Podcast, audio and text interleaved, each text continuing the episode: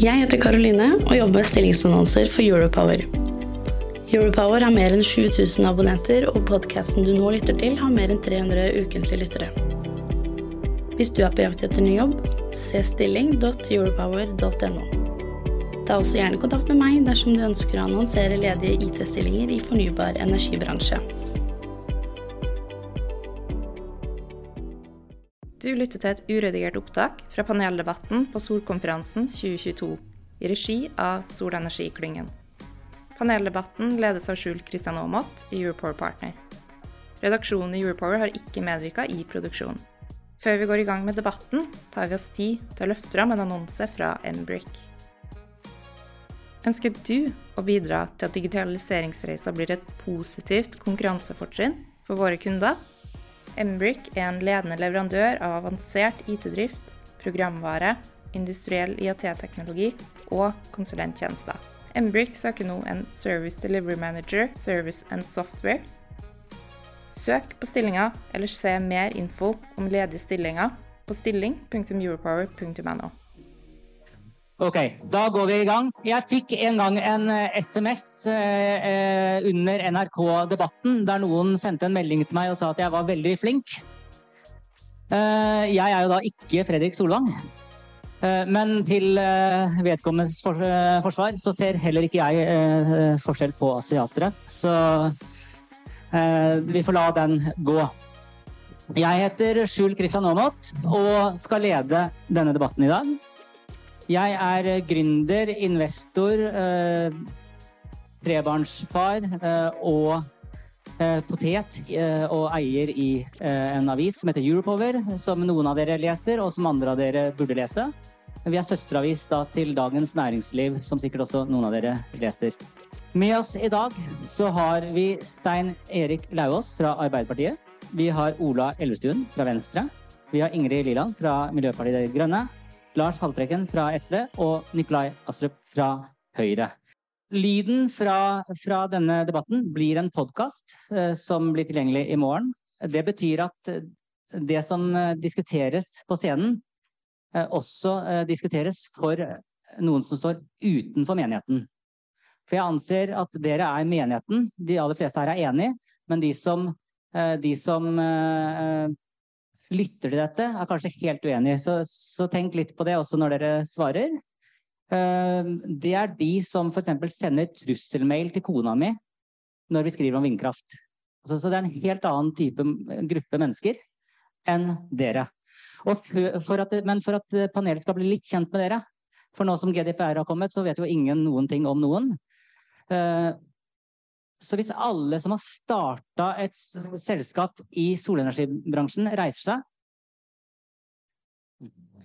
Så kan dere sette dere. Hvis alle som eier eller er medeiere i et selskap i solenergibransjen, reiser seg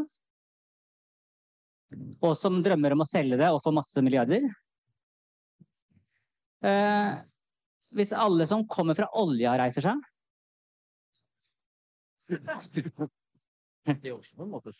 Og hvis alle som har solceller på eget tak, reiser seg. Yes. Da vet eh, panelet litt om hvem som er i salen. Eh, dere vet ikke så mye om de som sitter og lytter på podkasten, men jeg håper at de også reiser seg på trikken eller eh, ja, banen når de lytter til dette. Vi går i gang. Kan eh, noen fra panelet eh, komme med et forslag om eh, noe dere tror alle dere er enige om når det gjelder sol? Ja, Astrup? i dag har vi altså avgitt energi, innstillingen til energimeldingen, og der er vi enige hele komiteen, alle partiene på Stortinget, om faktisk så mye som seks forslag. Så det er ikke så verst. Og hva er det viktigste der? Nei, Det er bl.a. at uh, regjeringen skal gjennomgå regelverket og virke, virkemiddelapparatet for å stimulere til bruk av solenergi, uh, og ikke minst områdeutbygginger med solenergi og nabolagsstrøm. Det er krav om at nettselskapet må registrere og rapportere hvor lang tid de bruker på å behandle enkle søknader om tilknytning til små solkraftanlegg, fordi dette går for tregt i dag. Det er eh, et eh, krav til regjeringen om å utvide dagens plusskundeordning, slik at den også omfatter beboere i flermannsboliger, leilighetskomplekser og næringsbygg i løpet av 2022. Så det er jo eh, kan du si, rett rundt hjørnet. Og så er det at Stortinget ber regjeringen vurdere å fjerne begrensningene for hvor mye solenergi som kan deles innenfor eget areal innen nasjonalt, altså nasjonalbudsjettet for 2023. Og så er det at Stortinget ber regjeringen kartlegge potensialet for solenergiproduksjon på landbruksareal, samtidig som landbruksproduksjonen opprettholdes. Eh, og at man skal kartlegge potensialet og tilrettelegging for solenergiproduksjon på eksisterende infrastruktur, som f.eks. parkeringsplasser, eller det jeg kaller ferdig rasert natur. Ferdig rasert natur. Eh, er dere enig i dette? Eller farer... Dette står hele komiteen bak. Ja. Er det uh, Ja, da kan vi ta Elvestuen først. Ja, dette var det vi er enige om, så dette har vi jobba med nå i flere uker å komme fram til. Og så er det som dere vet på, på, alle disse her, det er veldig godt utgangspunkt og bestilling fra Stortinget. Men så legger djevelen ofte i detaljene. Så nå er det jo oppfølgingen av dette som blir det helt avgjørende. For alle kjenner jo alle disse bitene som man må få på plass hele tiden. Ellers er det en ting vi dessverre ikke ble enige om. Eh, og det er å, sette et tydelig mål for solenergi i 2030. Det ligger et forslag inne med 8 TWh. Og sånn at, sånn at vi kunne lage en plan for hvordan vi kommer, kommer dit, og sette virkemiddelapparatet inn i forhold til målet, i stedet for at alt sammen er sånn bit for bit-endringen for å gjøre litt, og så ser vi åssen eh, det går. Så den burde vi få på plass. Og hvis det er mulig å legge noe press på noen partier fram til vi skal ha eh, endelig avstemning, den er jo ikke, det er ikke beslutta i Stortinget ennå, så er dette noe man burde legge trøkk på den neste uka. Eh, det er vi, alle vi, og Venstre og SV og MDG. Så det er regjeringspartiene og Fremskrittspartiet som mangler. Eh, Haltbrekken, hadde du en eh, replikk? Nei, det var poenget mitt. Dere utfordrer også ofte, men nå kan jeg, tror jeg kan sende en samla utfordring fra oss fire. Snakk med Arbeiderpartiet, snakk med Senterpartiet, snakk med Fremskrittspartiet. 9.6 skal dette stemmes over i Stortinget. Får dere med ett av de partiene, så har vi flertall for å sette det målet og få den handlingsplanen. Mm. Stein eh, Erik Lauvås, hva vil du snakke med? jeg, synes, jeg, jeg, har lyst til å si at uh, vi fra vår side har jo vært opptatt av at nå kom det en energimelding. Det er ganske nøyaktig et års tid siden, hvis jeg ikke husker helt feil, uh, som den forrige regjeringa leverte. Uh, og så var det jo litt valg og litt forskjellig imellom. og så så vi jo at vi trengte en tilleggsmelding. Ting endret seg jo også ganske dramatisk de seneste månedene, ikke sant? med energisituasjonen i, i Europa, eh, energisituasjonen i Norge for den sakens uh, skyld. Eh, så vi mente det var nødvendig med en tilleggsmelding til den energimeldinga, for det var en del ting der som vi mente ikke ble svart godt nok ut. Det var det for så vidt da etter hvert flere partier som mente, for de kom med sine egne tilleggsmeldinger også. og Det var veldig bra. Eh, men poenget er at vi har vært opptatt av at eh, når vi nå skal peke framover, for det er det denne energimeldinga skal gjøre. Når vi nå skal peke framover på hvordan Norge skal møte energiutfordringene sin. Eh, for dette og så kan man si det, og det kan jeg godt være med å ta selvkritikk på, selv om ikke vi har hatt uh, ansvaret de siste åra.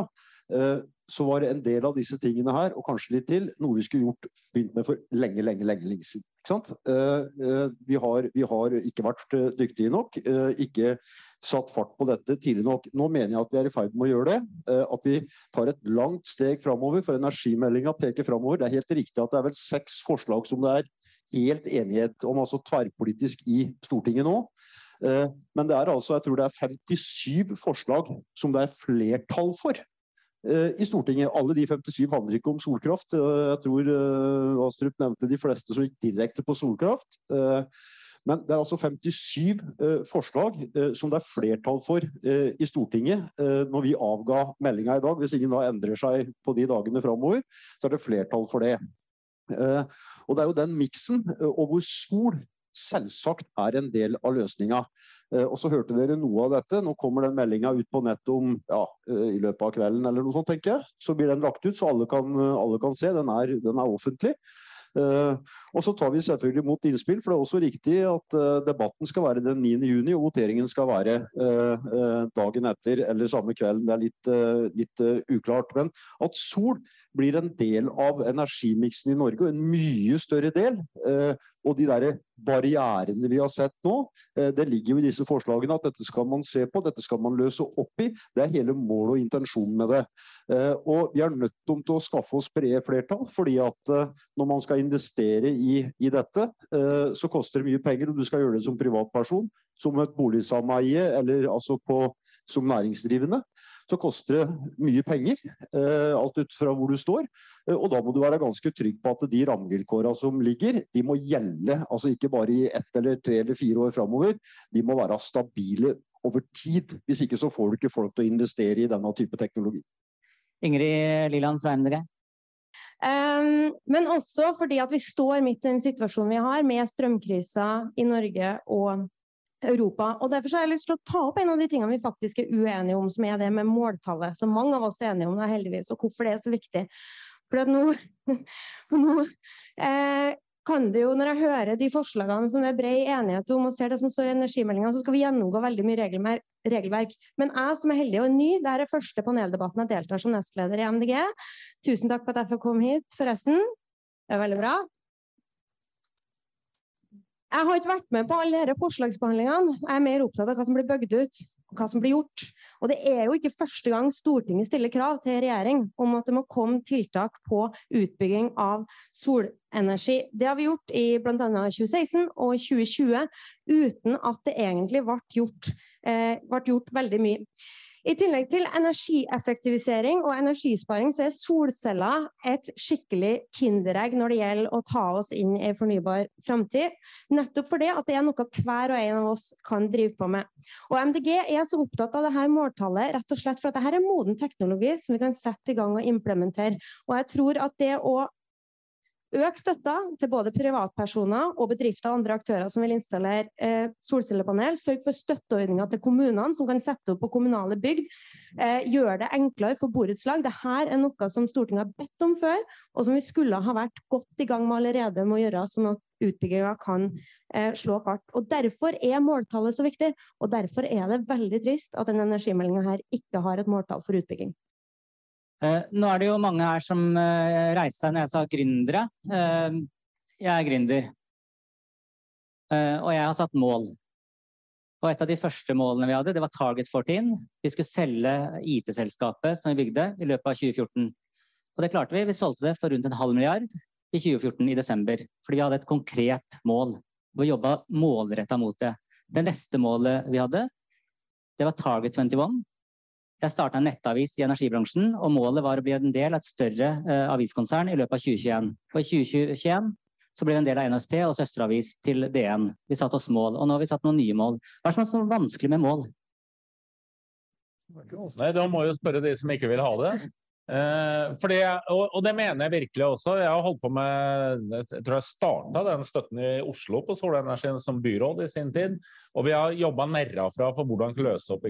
Den, den, gangen du måtte få du skulle få lov til å få grønne sertifikater og være plusskunde samtidig, det var, en, det var budsjettforhandlinger på Stortinget de rundene nå som skal løse opp disse her problemene på borettslag, det, holdt jo vi på med i regjering og holdt på å styre, men det har vært sånn nerrafra og oppover. For å, for å, og, du må, og, du må, virkelig ha måttet gå inn i detaljene.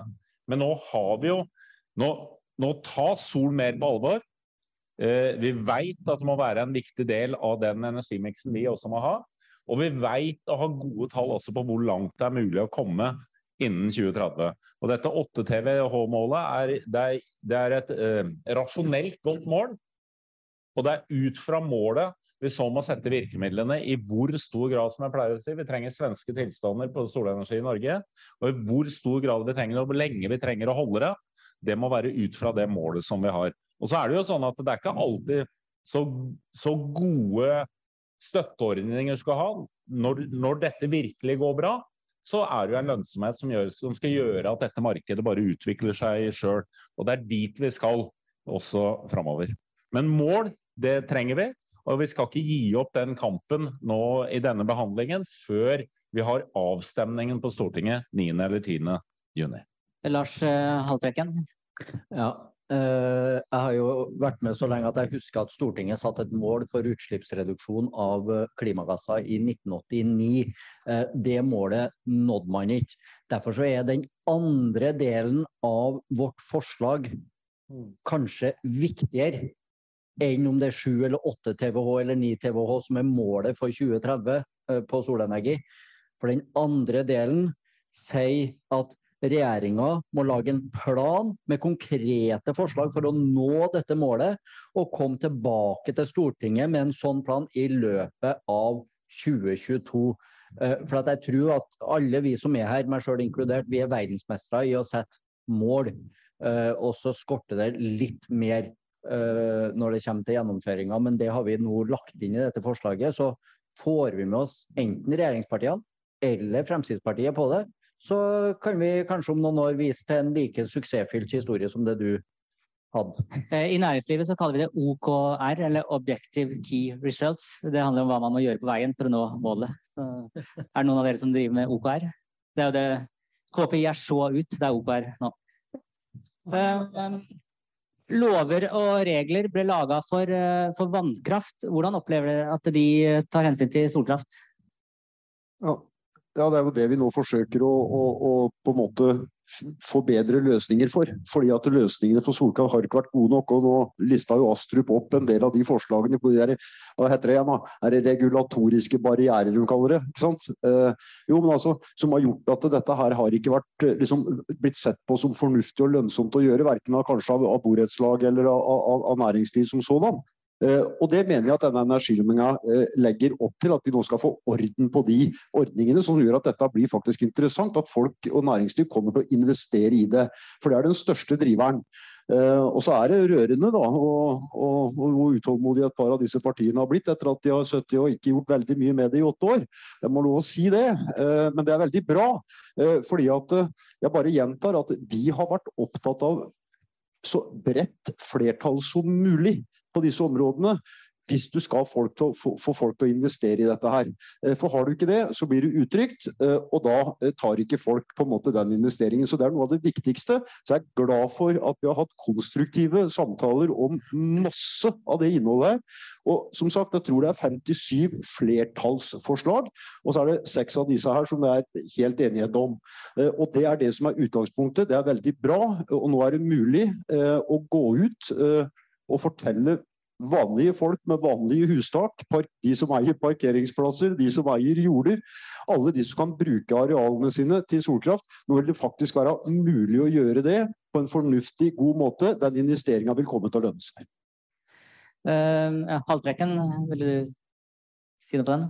Uh, nei, vi, vi, kan sikkert fortsette en debatt med at uh, det er gjort lite de foregående årene og årene før der osv. Men jeg tenker nå må vi gripe den muligheten vi har her og nå til å få gjort noe framover.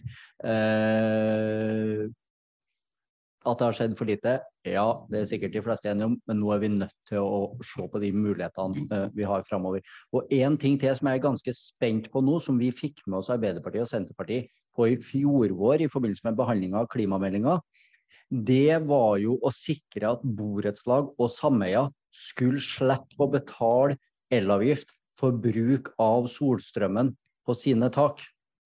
Det har ligget et forslag, et høringsutkast, klart i departementet siden i fjor høst, så vidt jeg vet, som fortsatt ikke er sendt på høring for å sikre nettopp det avgiftsfritaket, som da gjør det mer lønnsomt også for folk som bor i blokk, å få solstrøm på taket sitt. Det bør ut på høring nå, og sørge for at det avgiftsfritaket inntrår fra 1.1.2023 av. Lauvås, ligger det forslaget i en skuff, eller? Det har ligget der siden i fjor vår. Lauvås? Ja. Ligger det i en skuff? Det ligger forslaget i en skuff? Nei, jeg vet ikke akkurat nøyaktig hvor det ligger, men, men som sagt eh, regjeringa, jo, men også enhver regjering. Eh, og så kan det være årsaker til at noe kan bli forsinka og, og, sånt, og det, det, det, kan det selvsagt være. Men enhver regjering har jo å følge opp Stortingets eh, flertallsvedtak. Eh, og det er det jeg prøver å liksom banke inn og si at det som har vært kanskje det viktigste, eller ja, i hvert fall noe av det viktigste med denne energimeldinga, det var å få på plass på en måte et bredt flertall, sånn at det er tyngde bak det, og sånn at det på en måte er stabilt i, i, i, mange år fremover, sånn at folk kan faktisk ta investeringene. Det er det viktigste virkemidlet vi har eh, for at vi skal få mer solkraft eh, både på tak og vegger og ja, ellers hvor det måtte passe inn. Elvestuen? Ja. Er ikke enig i at i de åra som har gått, fanden har vi har virkelig slåss for solkrafta også, så har jeg ikke fått nok, store nok resultater. Men kamper, det har det vært uten tvil. Men det som har vært hovedproblemet, er jo at hele energisystemet i Norge er bygd opp omkring vannkraften. Og da, er, og da, har man ikke tatt inn over seg at vi også skal ha et desentralisert energisystem. For det har egentlig bare vært rusk i maskineriet. Og den holdningen har ligget tungt inne i departementer og tungt inne i den regelverksutformingen som har vært. Og derfor har det vært så vanskelig å endre på det. Og det er det, det er skiftet der som nå skjer er at vi, må, at vi også må ta på alvor at vi skal ha et ordentlig desentralisert energimarked også i Norge. Eh, både fordi vi trenger energien, men også å forstå at det er der veldig mye av næringsutviklingen også kommer til å være. Og det er næringsutvikling som, er, som har et internasjonalt perspektiv og en størrelse over seg. Så det er noe eh, Dette burde være startpunktet. da. Få på plass det måltallet, og sånn at vi får lagd en plan ut fra det. Og denne energimeldingen kan være et uh, nytt startpunkt nærmest på solenergi i Norge. Og Liland, før vi går videre? Jeg, også, ehm, jeg, er også gründer, nemlig. Og jeg har vært med å sette mål. Men det som er viktig når du setter mål, er nettopp det. Hva prioriterer du, og hva satser du på? Eh, og enig, vi er nødt til å gjennomgå regelverk. Det har vært et regelverk som er komplekst og er innretta for en helt andre prioriteringer. Men du har noen virkemidler som allerede har blitt brukt av regjeringa de siste målene. F.eks. så har Kommune-Norge fått ekstreme mengder penger til å drive motkonjunkturtiltak. Eh, det er gitt mange milliarder til det. Det er pøst ut penger i strømstøtte eh, under strømkrisa nå, som har vært kjempeviktig. Så det er jo sånn at det finnes jo virkemidler, det finnes jo penger som allerede i dag brukes for å eh, bøte på ting. Og mye av den type midler i den størrelsesorden, hvis det hadde blitt brukt på støtte til solceller, i tillegg til energieffektivisering og energisparing, så kunne vi jo allerede ha sett det i takt. Og det er det jo mulig eh, å starte med, helt uavhengig av regelverk, eh, som vi i tillegg må gjøre. Ja, og Da tar vi Astrup før vi går videre. Jeg tror jo, eh, Det er ikke sikkert alle i salen er enig med meg, men jeg tror at denne bransjen gjør seg selv en bjørnetjeneste hvis de går inn på det resonnementet der poenget er at de viktigste barrierene mot solenergi, de er regulatoriske. Ja, vi skal ha støtte, ja, vi skal ha gode virkemidler. Men målet må jo være å kunne bygge dette i en skala eh, slik at det blir lønnsomt å stå på egne ben. Det er først da dette blir en fremtidsnæring som solen virkelig skinner på. Så målet må ikke være å bli mest mulig avhengig av offentlige penger. Men vi må ha penger for å komme i gang, for å skalere opp, og for å sørge for at dette etter hvert kan stå på egne ben. Det tror jeg er kjempeviktig at vi tar med oss. Og så er jeg veldig glad for at Stein Erik eh, stadig henviser til denne brede enigheten om energimeldingen. Det er, eh, har vært et eh, viktig arbeid. Det er bra for alle næringsaktører i ulike deler av bransjen at Stortinget er enige om en marsjordre til regjeringen, en konkretisering, en mer ambisiøs satsing enn den energipolitikken som regjeringen hadde lagt opp til. Og jeg er spesielt glad for at uh, halvparten av de forslagene som vedtatt, blir vedtatt, er hentet ordrett fra Høyres alternative energiplan. Det er jeg også glad for nå, ikke sant? Ja. Og jeg er glad for at Stein Erik er glad for at høyrepolitikken blir vedtatt. Da er, det er, det er rause, ikke sant? Ja. Det er bra. Uh, det som skjer i Europa nå, det har gjort at eh, og, dette har jeg fra Jeg kjenner jo en del kommunikasjonsdirektører i olja, jeg kom fra olja tidligere. Det har gjort at det er dritkult å jobbe i olja igjen. Er ikke det bra? Hallo, er ikke det bra at det er dritkult å jobbe i olja igjen? Det var veldig få som klappa her. Eh, vi skal på ONS eh, senere år. Der kommer de til å klappe, da. Men det er faktisk blitt veldig kult å jobbe i olja igjen.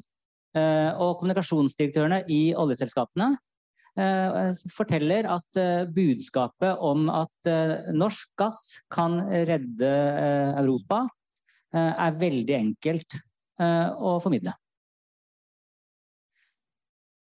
Norsk sokkel har et skatteregime som motiverer til letevirksomhet, Hvordan opplever dere at, at det motiveres for å investere tungt i sol?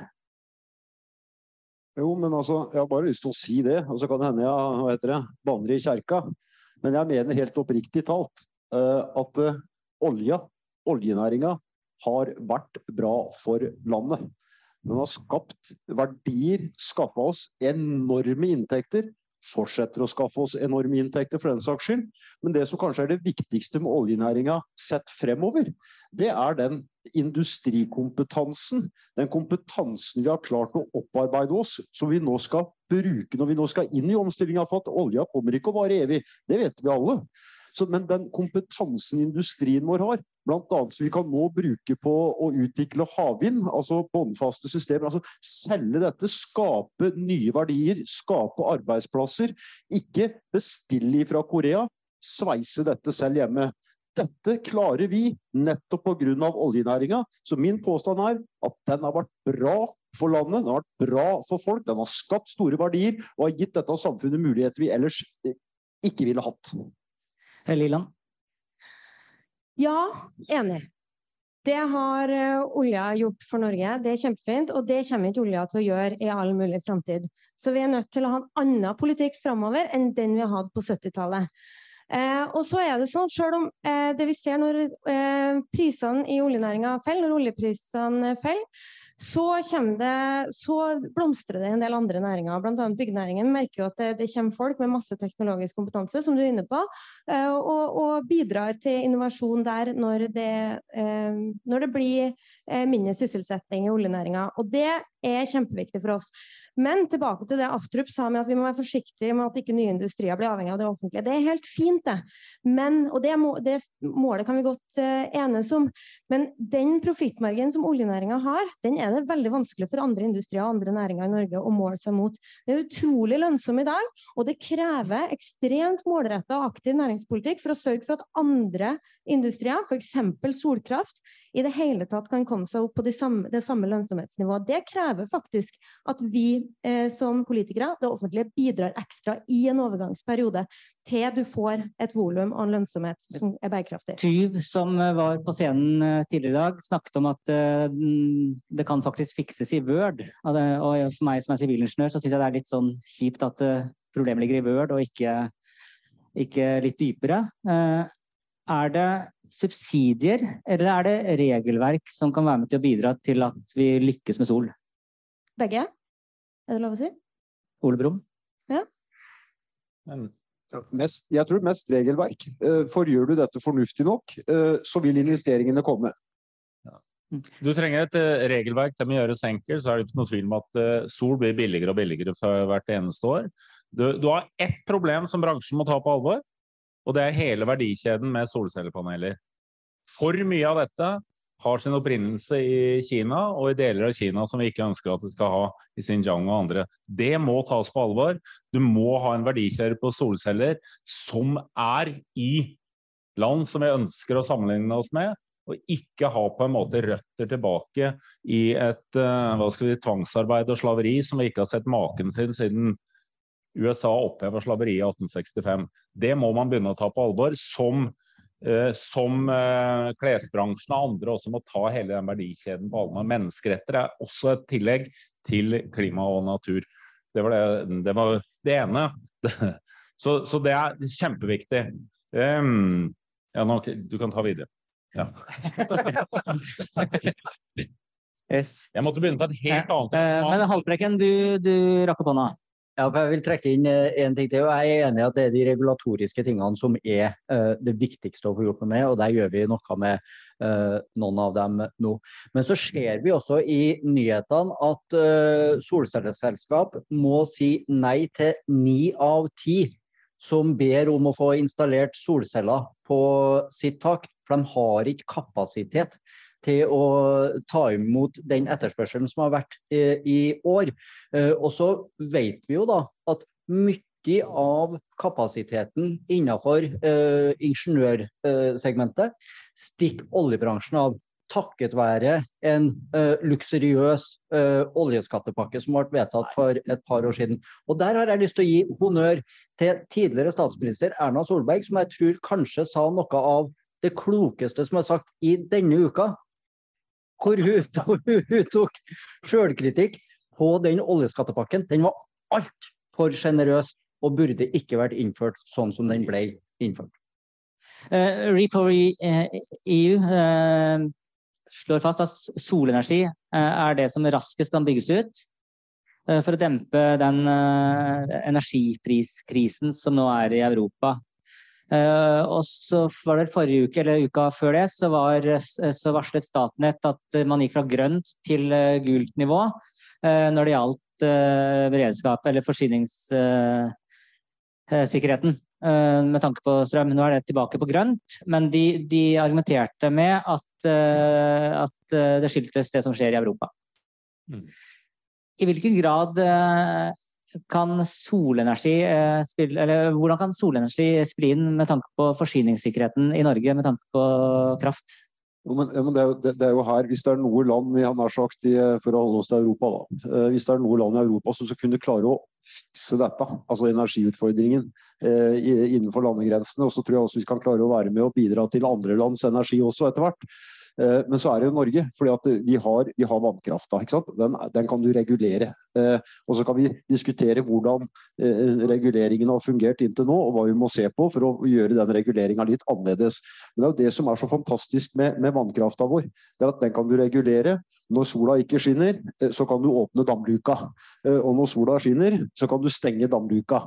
Og det er den miksen her, den fornuftige miksen av ulike energityper, som vi på en måte som dette landet nå etter hvert ja, nesten er laga for, eh, som gjør at jeg mener helt ærlig at vi kommer til å fikse det. Men greia er at uh, vi kommer ikke til å kunne spare oss ut av det. Vi, vi skal spare energi, uh, og vi skal skru av uh, lyspærene våre og sånn. Men det er ikke det som kommer til å redde oss. For vi må bare innse at båndlinja her er vi må produsere mer kraft. Eh, og da kommer sol til å være en del av det, eh, men som skal hvile på den regulerbare krafta vår, vann, eh, når sola ikke skinner, vind når det ikke blåser. Så dette landet her, vi er godt rigga. Det er bare at vi som står her, pluss noen til, må sørge for å legge til rette sånn at vi kan få dette til på en fornuftig måte. Og det tror jeg vi er i ferd med å få til gjennom denne energimeldinga. Elvestuen? Ja, og så må vi knytte oss nærmere til Europa. Vi må være den, en del av den omstillingen som hele Europa skal igjennom. Eh, det betyr at vi må ta inn over oss at ja, vi må ha mer gass nå, men over kortere tid. For Europa skal også slutte med den gassforbruket de har. Eh, innen 2035 er vel det neste, neste målet som man har satt, men det skal bli vesentlig mindre. Og Da kan vi ikke fortsette med en olje- og gasspolitikk som om ingenting har skjedd. Vi er i en klimakrise, er en, det er krig i Europa. Dette må håndteres samtidig. Så disse partiene her, både Arbeiderpartiet, Fremskrittspartiet og Høyre og Senterpartiet som fortsetter som før, kan ikke fortsette med, med akkurat det. Heldigvis har vi eh, disse utvekslingskablene til Europa på plass før denne stortingsperioden. Eh, denne, med dette Stortinget tror jeg aldri vi hadde fått det vedtatt. Heldigvis har vi også den klimaavtalen som forrige storting vedtok, vedtok i 2019 med EU, at nå har, vi, nå har vi et felles regelverk. Når de legger fram sitt Klar for 55-regelverk nå til sommeren, alt det de gjør på dette, skal jo nå komme hit. Enten via EØS-avtalen eller den klimaavtalen som vi har. Eh, og det er viktig at dette gjøres så raskt som mulig. At vi ikke gjør sånn som vi har holdt på tidligere, at EU vedtar sine direktiver, og så går det liksom fire-fem år før vi begynner å gjøre det samme. Nå er det avgjørende at dette må gjøres samtidig. Påvirkning må skje nå. Når de har gjort sine vedtak, så er det bare å svelge unna og ta det inn også i norsk eh, lovverk. Og det vil også gagne Sol i den utviklingen vi har. Uh, Repower uh, vi åpner for spørsmål fra salen også. Uh, tar det etter dette spørsmålet her, eh, til eh, panelet. Repower EU forslag om å gjøre solcelleanlegg på taket obligatorisk for alle offentlige bygninger og næringsbygninger med gulvareal på over 250 kvadrat innen 2027. Og solceller på alle bolighus innen 2029. Um, Elvestuen nevnte det å knytte seg nærmere til Europa bør vi eller vi har vannkraften, så vi trenger ikke uh, sette noe mål, eller bør vi også sette noe mål? Et av, uh, Astrup? Dette er det sikkert ulike meninger om i panelet, men jeg tror det er viktig at man ikke altså Det er forskjell på å barbere seg og skjære av seg haken. Jeg tror faktisk ikke vi er tjent med at man går inn for et sånt forslag. Det er altfor bombastisk.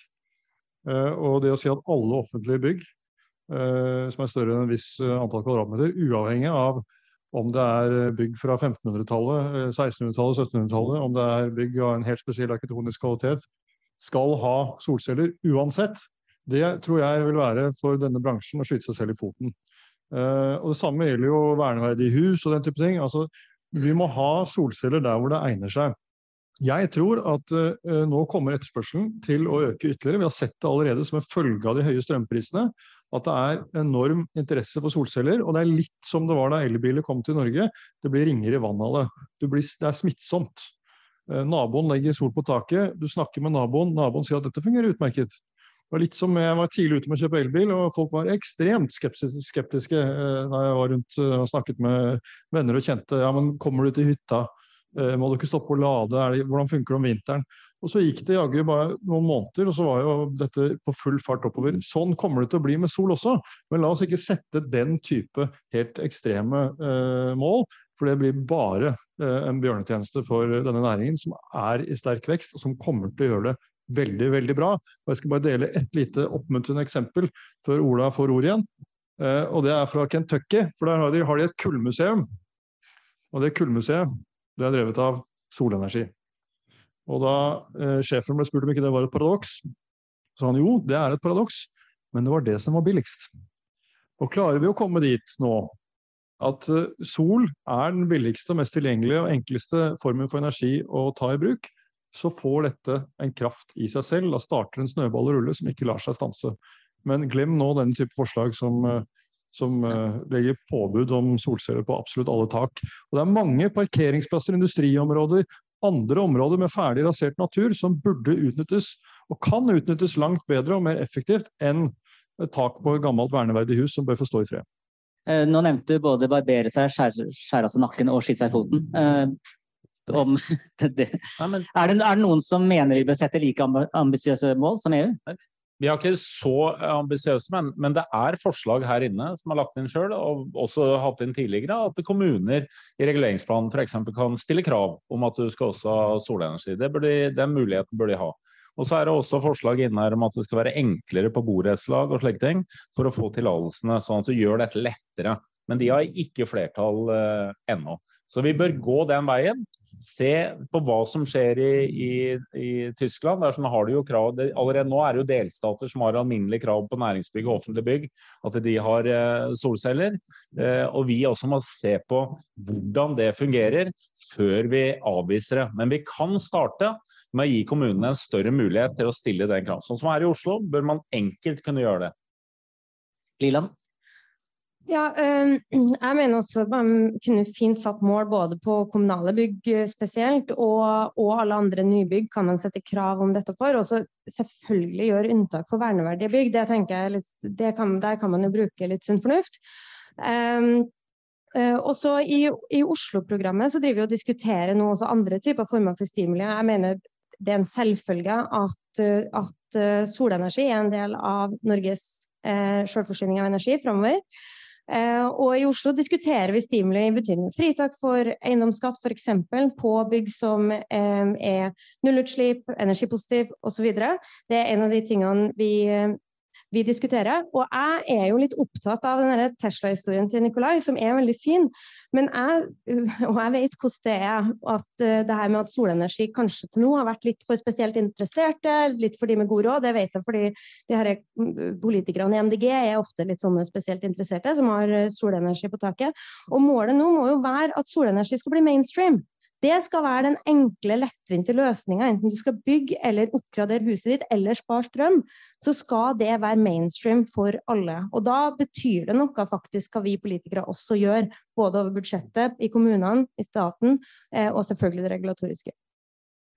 Vi driver og pusser opp huset vårt nå, og vi fikk eh, avslag fra Plan og bygg eh, i første runde fordi vi ikke hadde jo lagt til rette for nok eh, parkeringsplasser. Eh, det er jo et mål at man skal kjøre så mye bil som mulig, har jeg skjønt, i Oslo. Eh, Det er, det er ikke det. du skal ikke få lov til å bygge det huset du vil. Ja, og da er kommer det dit eh, midlertidig byggeforbud eh, i småhusområder. Jeg vet ikke om dere har fått med dere at eh, det visstnok har blitt lekket informasjon til utbyggere om, om det forbudet. Jeg har et forslag, og det er sikkert grunnen til at jeg ikke er politiker, men jeg har et forslag om å lekke litt informasjon om at det kommer et påbud om, om sol på tak. Så kanskje det kommer like stort rush eh, om eh, å bygge sol som det kom for å bygge ut og rive og lage eplehageutbygginger i nabolaget mitt. Jeg, jeg, altså, jeg veit ikke om, det kommer noe påbud sånn som du vil ha det, det tror jeg vel kanskje er litt fram i tid. Men, men det som er helt sikkert, og som vi skal ta på veldig alvor, det er at eh, den som kanskje har størst innkjøpsmakt i Norge, det er det offentlige. Eh, det brukes, eh, jeg husker ikke hvor mye milliarder, men det finnes et regnestykke på det et sted. Eh, hvor mange milliarder kroner det offentlige bygger for eh, i året. Altså både altså kommuner og fylker og, og stat. Og det er klart at det, i, de, i de investeringene der så ligger det en enorm innkjøpsmakt. Det er bare å finne en fornuftig måte eh, hvordan du skal på en måte hvem som skal kunne sette eh, hvilke krav. Dette, dette. Dette er jo ikke vanskelig, og Oslo har jo hatt dette lenge. Liksom tak, det, det må brukes til tre ting. Enten så er det til opphold, eller så er det grønne tak, eller så er det energiproduksjon. Og det må være en selvfølge på det som er nye næringsbygg eller offentlige bygg, når de skal, enten de skal rehabilitere eller det skal bygges uh, nytt.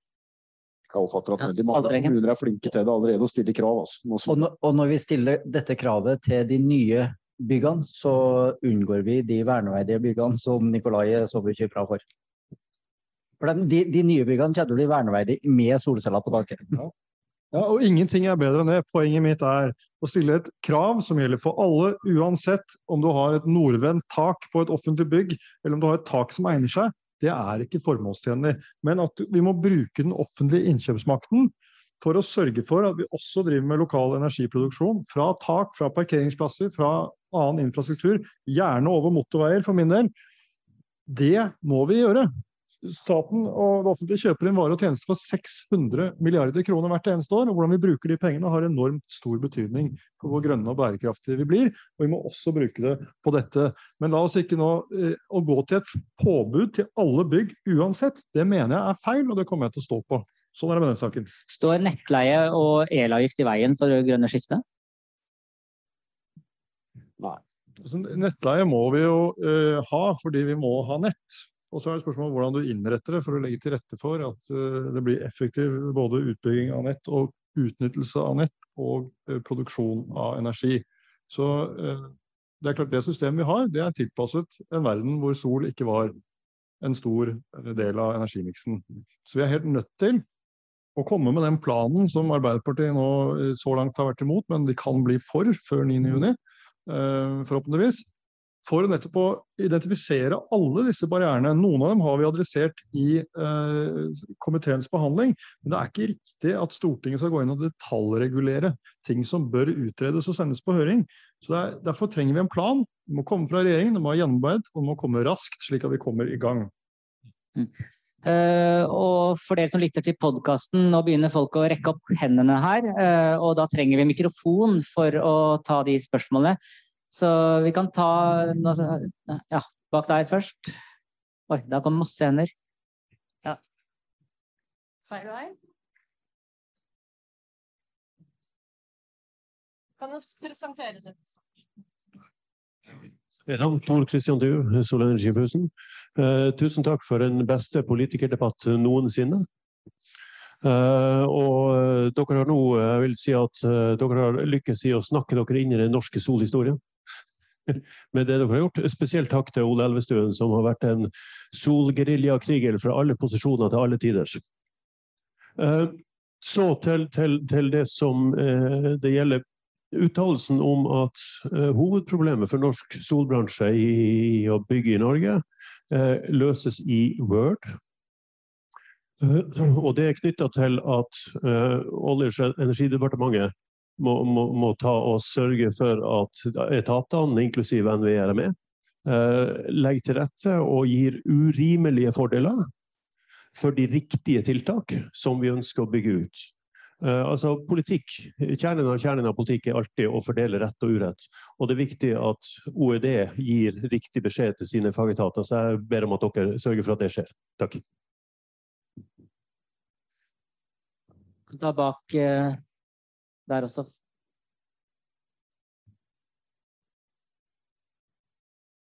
Ja, hei, det er Gaute Kjensvold i Fred Olsen. Jeg, det er mye snakk om bygging uh, og solceller på tak i, i, dag. Og jeg lurer på Det som er utfordringen med tak, er at det er komplekst. Solcellene vil ikke virke så, uh, så effektivt fordi de har feil orientering. Og det er òg mange små prosjekter som skaper litt sånn turbulens i området der det settes opp. Et alternativ for å få litt fart på solkraft, sånn at det blir en sånn litt større player i energimarkedet i Norge, er jo å se litt mer på hva man kan gjøre i terreng og større bakkeanlegg. Dere, er det noen tiltak som dere diskuterer på det, og hvordan skal man belønne kommuner som setter av areal til litt større solkraftverk? Ja. Nå, en, av, en, av, de punktene som kommer i energimeldinga, det er jo dette med å utnytte eh, de større arealene som allerede er på en måte beslaglagt, bl.a. jordbruksarealer, hvor, du, hvor, det finnes tekniske løsninger, hvor du kan bruke jorda, dyrke jorda, eh, ha beitedyr, eh, og produsere eh, med større altså mengder solkraft. Eh, det finnes områder som, hvor det er fullt mulig å få til, så det er bare ett eksempel. Elvestuen? Ja, nei, og jeg, jeg, er åpen for at vi har eh, solparker også i Norge. Men da blir det på en måte den avveiningen opp mot uh, naturverdier som kommer til å være en diskusjon uh, der også. Og så er det de sier, det som adresseres i denne meldingen, og det, jeg tror ikke Stortinget har gjort det før, det er på infrastruktur, hvor det er et stort potensial. Og så er det også opp mot eh, landbruk og landbrukseiendommer. Så det er nytt nå, og det må vi følge opp eh, framover. Og så siste spørsmål fra Andreas eh, der. Ja, takk. Andreas Aasheim i eh, Clouder Clean Energy. Tidligere Norvea. Eh, dette er første solkonferansen jeg er på. Uh, og det er litt som, det er nesten akkurat som å være på en vindkonferanse for ti år siden. Eh, det er litt den samme energien i rommet. Eh, og eh, du får tro meg eller ei, men i hvert fall to av dere i panelet, dere ville vært på en sånn konferanse for ti år siden. Dere ville vært akkurat like enige om at vi skal satse på vind, vi skal bygge vind, vi skal ha noen mål om vind. Lars Haltbrekken har satt seg ned. for ti år siden så ville han hatt en pinn med vindmølle i logoen. For ti år siden? Leder i Norges Naturvernforbund? Det, jo, men hadde du vært representant for SV den gangen, så hadde du hatt det. Uh, og uh, Gaute var litt inne på dette her. Uh, litt større solpaneler. jeg representerer et selskap som kanskje er interessert i å bygge denne type anlegg. En, dere, står dere bak oss om ti år også? Har dere tatt notater, Solenergiklyngen, på hvor rørende enig man er akkurat nå? Og to, får NVE de ressursene de trenger for å behandle de søknadene som nå kommer. Eh, nå skal snart Jørgen Bølling si noen velvalgte ord. Vær så snill, sørg for at NVE får de bevilgningene de trenger for å ta unna den køen som er på ny kraftproduksjon, og også på nett. Det var en sukk. Det, det, ja, ja, ja, men altså, det korte svaret er egentlig ja på begge deler. Så får vi ta oss og runde der litt av men hva er nødvendig og sånt i forhold til NVE. Det må vi nå se på. Uh, men svar, det korte svaret er egentlig ja på begge deler. også. Men, ja, men husk på, jeg var der for ti år siden med Norvea òg, og vi gjorde det vi sa. Vi endra avskrivningsreglene så de ble like i Norge som det de var i Sverige. For den gangen så gikk alle investeringer til Sverige, de gikk ikke hit. Det gjorde vi, og det satte motor, eh, satte i gang den utviklingen som vi har. Og så var det sånn at regelverk og andre ting var altfor dårlige, så det har fått noen prosjekter som aldri burde vært bygget, for å si det sånn. Men den enorme byggingen som også har skjedd, og det er mye av dette som de fleste er vi for, er også et resultat av de politiske initiativene vi tok på bakgrunn av de møtene den gangen. Så hvis solenergibransjen nå skal lære av dette, så er det det at man skal høre på det vi sier, og så skal vi gjøre det vi sier, nettopp for å få det løftet også for solenergi i det, det, det tiåret vi går inn i. Og jeg er ikke redd for at det kommer til å bli like konfliktfylt som vindkraft til slutt ble. Både fordi nå har vi lært når det gjelder regelverk, så det er lettere å få det på plass. Og så må vi selvfølgelig også, det var vel spørsmålet ett her, når, når de større anleggene også blir, eh, kommer her, så må vi se på ja, hva er, hva er fordelen også for de kommunene som de ligger i, som vi også har begynt å få på plass i forhold til vindkraft. Nikolai Astrup? Jeg har lyst til å bare svare på det med NVE. fordi I eh, energimeldingen, eller innstillingen til den, som du sikkert gleder deg til å lese, og kjenner jeg deg rett, så kommer du til å lese den. Antagelig av de få som kommer til å lese alt i sin helhet, og det er jeg veldig glad for, Andreas. Men eh, der har vi en rekke bestillinger til regjeringen når det gjelder NVE og konsesjonsbehandling. Det må bli raskere, det må bli satt frister for saksbehandling. Eh, og vi ønsker å kjøre flere av de prosessene som i dag går sekvensielt, altså etter hverandre, parallelt isteden, for å sørge for at dette går fortere. Vi kan ikke ha det sånn som vi har det nå, hvor det tar 10-12 år å konsesjonsbehandle et eh, vannkraftverk, når vi har så dårlig tid som det vi har. Så dette gjelder små og store saker, eh, og vi er nødt til å jobbe på en annen måte fremover, fordi vi skal ha frem mye mer energi på mye kortere tid enn det vi har vært vant med i Norge, og det vi er rigget for. Så her skjer det mye, og eh, det er bred enighet i komiteen om at det må skje. Og det skal alle som jobber med dette feltet være veldig glad for. Så er det spørsmål her. Ja, hei. Leder Solenergiklyngen, veldig fint at dere kom. Eh, vi jobber mye med kunnskap, eh, og mangel på kunnskap er det vi har identifisert som det største hinderet for solkraftutbygging i Norge. Så det at vite at vi faktisk kan produsere 7-10 TWh solkraft i 2030 faktisk allerede. Det, det vet ikke folk. Eh, og kanskje det største hinderet er jo å implementere den kunnskapen i byråkratiet. De kan vannkraft, de kan ikke solkraft. Og så utvikler de reguleringer uten den kunnskapen. Hvordan kan vi sammen sørge for at uh, vi rett og slett setter oss rundt bordet og bidrar med den kunnskapen? Uh, også et paradoks. Oljedirektoratet i Stavanger er, har solkraft på tak og vegger.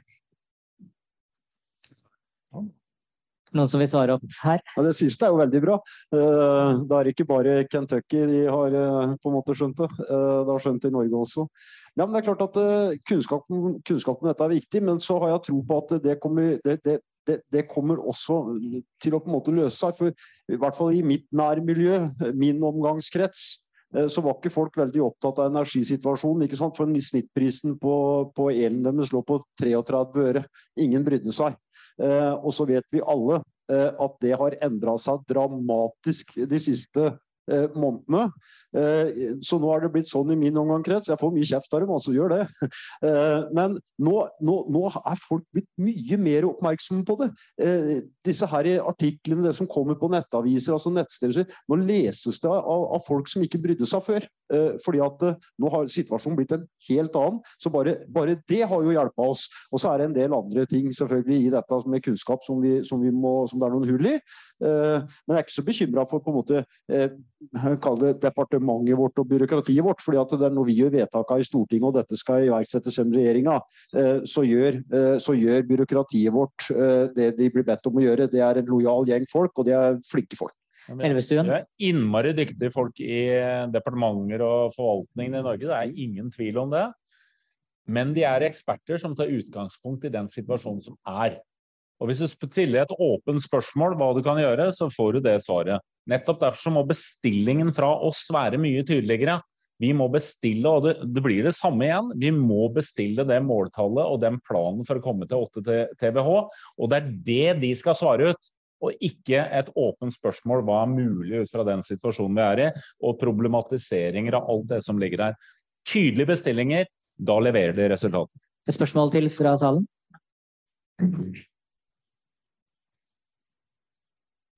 Jeg har et kort spørsmål. Eh, bærekraft har jo vært eh, inne her.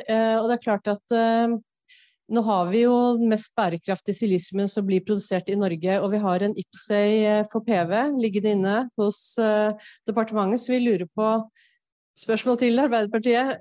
Hva tenker dere gjør med det? For det vil jo kunne booste industrien mye her i Norge. Også for eksport får departementet svare på. Jeg er ikke kjent med hva dere har spurt departementet for å si, for å si det rett ut, men jeg er sikker på at du kommer til å få et godt svar, og forhåpentligvis et fornuftig svar. Okay. Vil du Vise jeg får en kort kommentar. Eh, Trude Nysete fra REC er en av de som representerer industrien her. Norge er et av få land i Europa som faktisk har solindustri igjen. Eh, Europa, eller EU, lanserte en solstrategi 18. mai. Jeg håper dere har fått det med dere. sterke tiltak for installasjon som vi har diskutert her, men også få industrien tilbake til Europa. Hva gjør Norge for å beholde og utvide den kompetansen og den industrien vi har, og være med på det løpet som kjører nå? Eh, Haltbrekken? Ja, en av de tingene som vi må sikre, er bl.a. at REC får tilgang på kraftkontrakter eh, og strøm til en rimelig penge. Jeg var besøkte dere i Kristiansand for et, eh, ja, noen måneder siden. Uh, og i dag så sliter REC med å være i spotmarkedet for uh, strøm. Og det er klart at det er en kjempestor utfordring. og der har vi noen forslag i energimeldinga som dessverre ikke får flertall, men som kunne ha vært med å sikre den delen av industrien rimelige kraftkontrakter framover.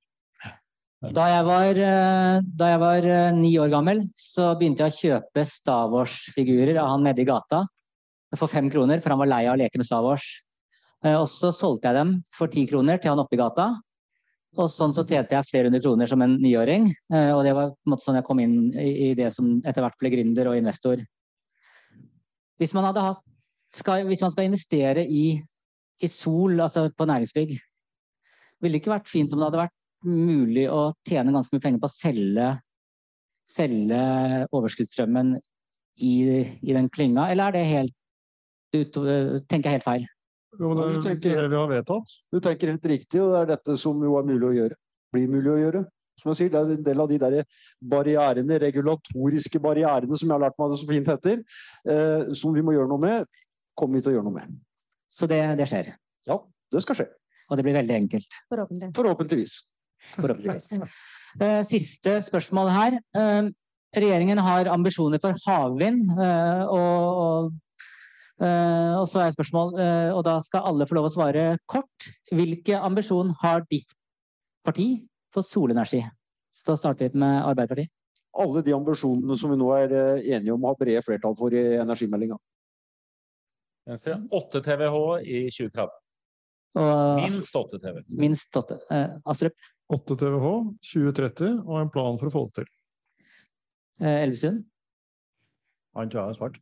Eh, men jeg kan svare. Og det er 8 TWh innen 2030, en plan for å få det til. Og et nytt mål, 50 TWh innen 2050. Og til slutt, eh, Liland fra MDG. 8 TWh plan for å få det til, og sette i gang og bruke det vi har av støtteordninger til å styrke den utbyggingen som allerede kan settes i gang. Så har vi en journalist her i salen, Jannicke. Jeg tror det var 8 TWh eh, de sa. Da sier vi tusen takk til Stein Erik Løvaas, eh, Ola Elstuen, Ingrid Liland, Lars Haltvekken og Nikolai Astrup. Tusen takk. Du lytter til et uredigert opptak fra paneldebatten på Solkonferansen 2022 i regi av Solenergiklyngen. Ønsker du å bidra til at digitaliseringsreiser blir et positivt konkurransefortrinn for våre kunder?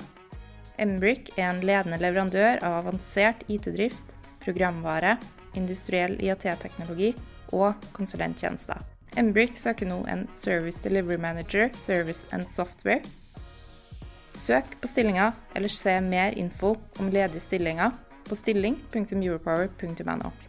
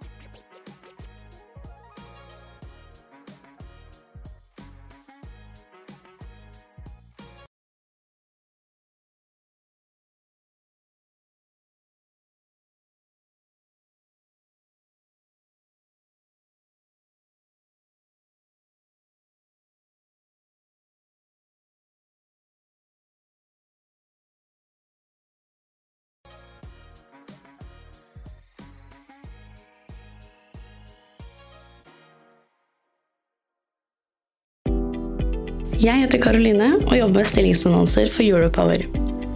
Europower har mer enn 7000 abonnenter, og podkasten du nå lytter til, har mer enn 300 ukentlige lyttere. Hvis du er på jakt etter ny jobb, se stilling.europower.no. Ta også gjerne kontakt med meg dersom du ønsker å annonsere ledige IT-stillinger i fornybar energibransje.